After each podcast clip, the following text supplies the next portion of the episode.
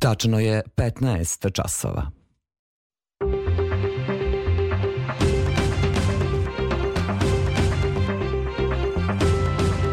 Radio Novi Sad. Novosti. Dobar dan, ja sam Vesna Balta. Moje ime je Jadranka Mitić. Na početku novosti Vesti dana.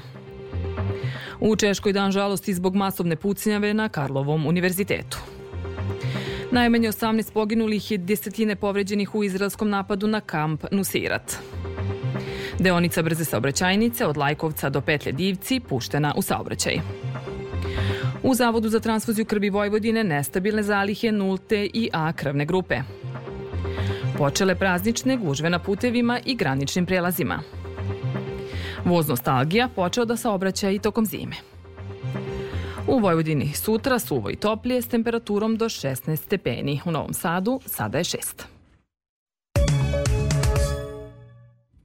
U Češkoj je dan žalosti zbog masovne pucnjave na Karlovom univerzitetu, gde je 24-godišnji student ubio 14 i ranio 25 osoba, a potom izvršio samoubistvo.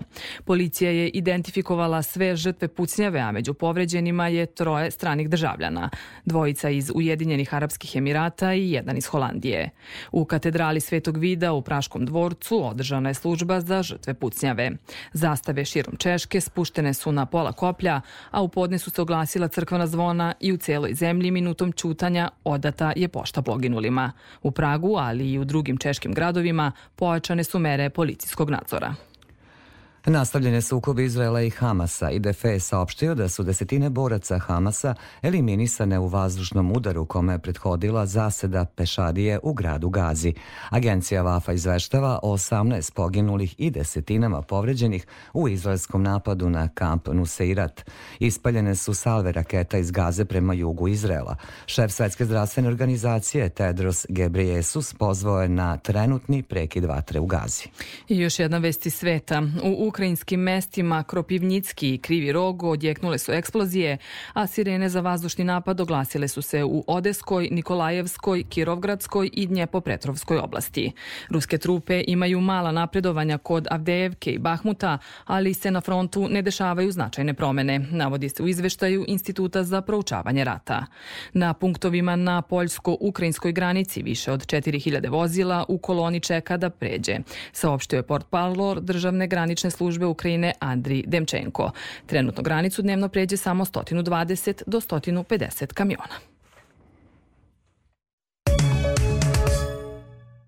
U nastavku novosti domaće teme. Deonica brze saobraćajnice i Verak Lajkovac od Lajkovca do petlje Divci dužine 12 km otvorena je u podne za saobraćaj. Izgradnjom te deonice grad Valjevo će se povezati sa autoputem Beograd-Južni Jadran. Kako javlja RTS, za nešto više od sat vremena prošlo je stotine vozila, a vozači prenose i prve utiske. Kakvi su prvi utisci? Pa izgleda lepo, znači obeleženo, urađeno profesionalno, kvalitetno i tako dalje. Šta kažete? Pa znači dosta za naš kraj, znači ko ide za Beograd dosta skraćuje vreme putovanja i tako dalje, znači sigurniji put i sve ostalo. Ministar građevinarstva, saobraćaja i infrastrukture Goran Vesić potpisao je sa predstavnicima reprezentativnih sindikata u komunalnoj delatnosti sporazum o produženju roka posebnog kolektivnog ugovora koji će važiti do 25. marta 2027. godine. Taj kolektivni ugovor se tiče skoro 80.000 zaposlenih u javnim preduzećima, javnim komunalnim preduzećima na teritoriji Republike Srbije i on će naravno potpuno zaštititi prava zaposlenih, obezbediti njihovo, njihovo učešće odlučivanje o svim važnim pitanjima u statusu naravno preduzeća i obezbedit će da građanke i građani dobiju bolje komunalne usluge, što naravno jeste cilj svih nas. Ono što nas čeka, to je da mi naš dijalog nastavljamo. Kad kažemo dijalog, mi ne, ne razumemo dijalog samo kroz priču o kolektivnom ugovoru, već ako želite da imate dobre odnose sa sindikatima, onda oni treba da učestvuju u svim zakonskim promenama koje se dešavaju. Upravo su to oni pomenuli, zakon o komunalnim delatnostima, zakon o preduzećima, imaće i drugih zakona. Stanari energetski najneefikasnijih stambenih zgrada u Srbiji mogu da se prijave na konkurs za dobijanje subvencija za energetsku sanaciju, a početak radova se očekuje u martu 2025. godine. Zašto je to važno i koji su uslovi konkursa koje je pokrenulo Ministarstvo rudarstva energetike u saradnji sa Ebrdom, bilo je reči na konferenciji organizaciji portala Energija Balkana. Pojedinosti Eva Tomović.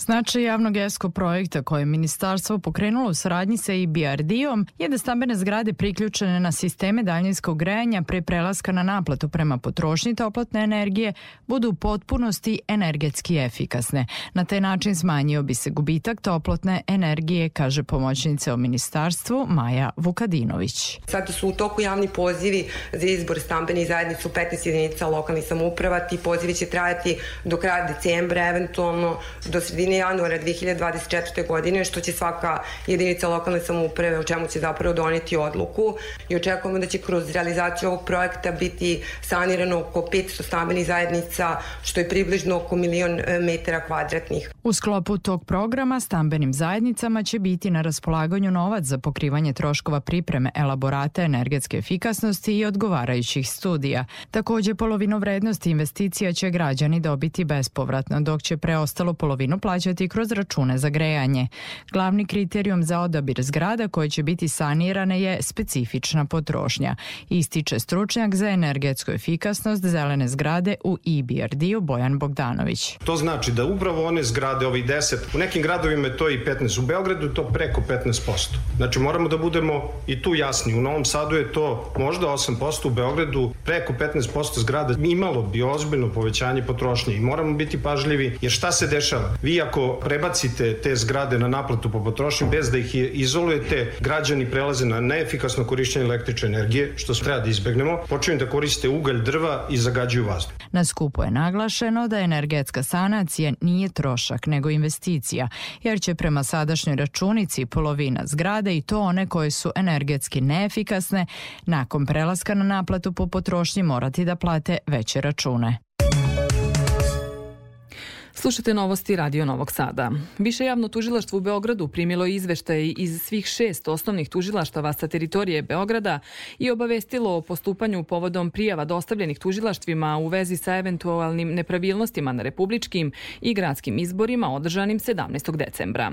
Više javno tužilaštvo u Novom Sadu primilo je nekoliko krivičnih prijava. Oglasila su se i više javna tužilaštva u Subotici, Kruševcu, Kraljevu, Jagodini, Pančevu i Smederevu i saopštila da na području njih njihove nadležnosti nije bilo krivičnih prijava. Lider pokreta Dveri Boško Obradović podneo neopozivu ostavku na mesto predsednika stranke zbog, kako je rekao, izbornog neuspeha.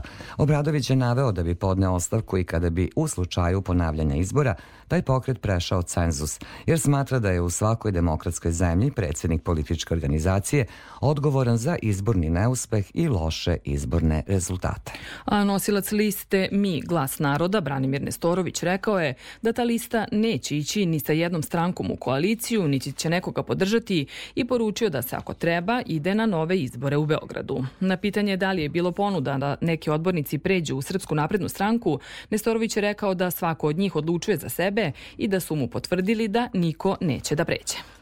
Nosilac izborne liste Srbija protiv nasilja Marinika Tepić od danas će svakodnevno primati infuzije zbog zdravstvenog stanja ugroženog štrajkom glađu koji je počela 18. decembra, saopštila je stranka Slobode i pravde.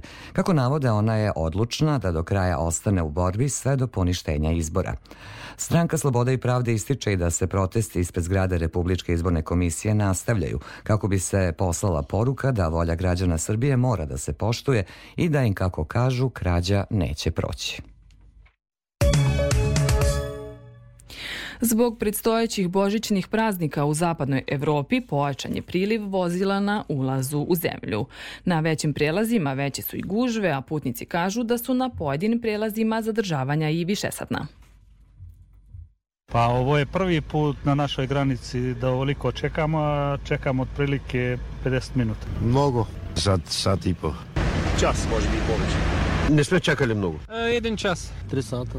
Pola sati. Pa nismo dugo, zlatno je. Ove godine je stvarno iznenađenje, svaka čas. Najviše vozila ove subote na autoputevima i na ulaznim putničkim terminalima na gotovo svim prelazima sa Mađarskom i Hrvatskom. Javlja nam se Nevena Damjanović iz Automoto Saveza Srbije. Na Horgošu su zadržavanja, kako nezvanično saznajemo, na izlazu iz Mađarske oko dva sata. Popunjen je i međuprostor do naših ulaznih terminala, što produžava vreme zadržavanja za još oko sat vremena. Na ostalim našim prijelazima sa ovom zemljom zadržavanja su oko 45 minuta, ali dodajte i vreme koje putnici provode na mađarskim rampama. Na Bačkom bregu na našim terminalima čeka se oko 30 do 45 minuta. Na prelazu Batrovci sa Hrvatskom zadržavanja su duža od 2 sata na izlazu iz Hrvatske, a od 60 do 90 minuta čeka se i na našim ulaznim terminalima. Opterećen je ulaz i na prelazu Šid, gde se čeka samo na našem prelazu oko sat vremena, a kolona je duga na izlazu iz Hrvatske. Na prelazu Preševo sa Severnom Makedonijom se na izlazu iz naše zemlje čeka oko 45 minuta. Zbog praznika, ali i respiratornih infekcija, smanjen je broj davalaca krvi, te su u Zavodu za transfuziju krvi Vojvodine nestabilne zalihe nulte i A krvne grupe. I Zavoda pozivaju građane da daju krv, jer je period darivanja, a davanje krvi je, kako kažu, najlepši dar, jer nema ništa lepše od toga da nekome spasimo život. Pripremila Jasmina Dabić. Najbolja situacija je kada dnevno bude 200 do 250 jedinica krvi u rezervama, odnosno bar 1000 jedinica nedeljno, kaže PR Zavoda za transfuziju krvi Vojvodine Zorica Bijelić. Zaista se trudimo i dajemo sve od sebe da obezbedimo dovoljno krvi za sve te neradne dane. Za sada nam to dobro ide, mada e, dinamične su rezerve krvi. Ono što a, imate danas, ne daj Bože da dođe do neke velike e, saobraćene nesreće, čega se mi najviše bojimo u zimskom periodu. Tu zaista puno jedinica ode. Zato naša sagovornica poziva sugrađane da naredne sedmice daju krv u zavodu u Novom Sadu od 7 ujutro do 7 uveče, kao i u ponedeljak u Inđiji, Šidu, Zmajevu, Ravnom selu i Bačkom Dobrom polju. Napominje da su smanjene zalihe nulte i akrevne grupe. Imamo sada puno pacijenata i to je već nekih 3-4 meseca unazad da je broj pacijenata toliko veliki nula krvne grupe da maltene onaj broj davalaca krvi koji daju ove krvne grupe, što sam navela, se istog dana i potroši. Naravno, uvek potrebna nula negativna krvna grupa kao i sve ostale negativne krvne grupe sa negativnim RH faktorom. Zdrava odrasla osoba od 18 do 65 godina može biti dobrovoljni davalac krvi. Zdrava znači da se osjeća dobro tog dana, da ne pije lekove, da u poslednjih desetak dana nije pijela antibiotike. Osoba ženskog pola treba da ima najmanje 50 kg, da nije u menstrualnom ciklusu, da nije u drugom stanju i da ne doji. Predstojeći praznici nezamislivi su bez jelke koja čini glavni ukras u svakom domu. Neki ljudi kada se pripremaju za praznike u nedoumici su dali da kupe prirodnu ili veštačku jelku. Koje su prednosti i mane obe vrste proveravala je Ivana Lukin. Kićenju novogodišnje jelke raduju se sve generacije, od 7 do 77. Bilo da je prirodna ili veštačka, upotpunjuje prostor, doprinosi prazničnoj atmosferi, a sam čin ukrašavanja raduje i zbližava ljude. Prednost veštačke jelke je dugotrajnost i lakoća održavanja, dok oni koji izaberu prirodnu moraće da ulože malo više truda i pažnje. Pitali smo staropazovčane da li su je oni okitili i kakve više vole. Veštačke, zato što imam kući. Dobro, si nekad imala prirodnu jelku? Nisam. Više volim prirodne, ali ako nemam prirodne, ja onda veštačku. A koja je prednost prirodnih jelki? Pa svježija, lepša, a ono je, kako bi rekla, plastično da imamo jednu veštačku, ali već jedno 5-6 godina. A ste imali prirodnu? Imali smo, da, rani. I kako se one ponašaju? Pa okej, okay, samo da se posle... Mislim, neke opstanu, neke ne opstanu. Ali... A šta vi više volite? Pa više volim iskreno prirodne, ali ovaj, kažu da su ove e, veštačke isplative tek posle 20 godina.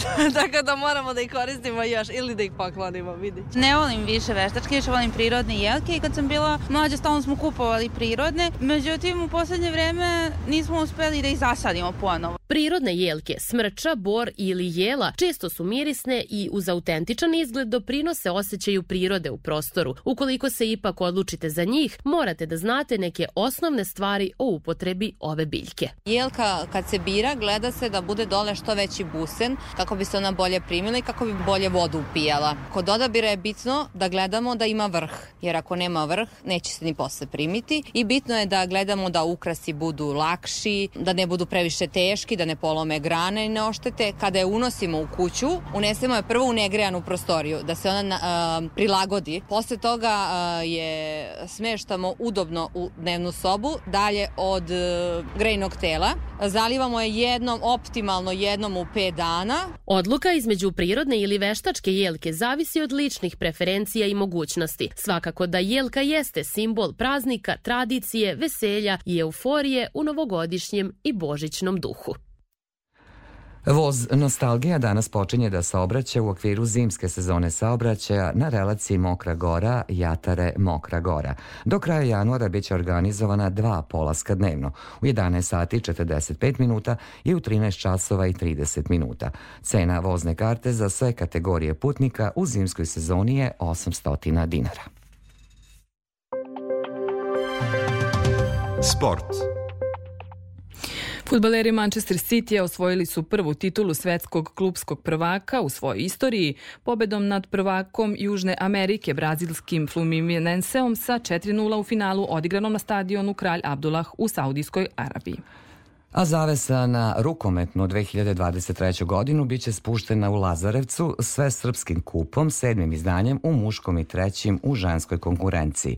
Danas će u muškom polufinalu od 15 časova i 30 minuta igrati Leotar i Borac, a od 18 časova Vojvodina Dinamo. Finala su sutra. U konkurenciji rukometašica od 15 časova i 30 minuta za pehar će se boriti jedinstvo Borac, a od 18 časova sledi finale u muškoj konkurenciji.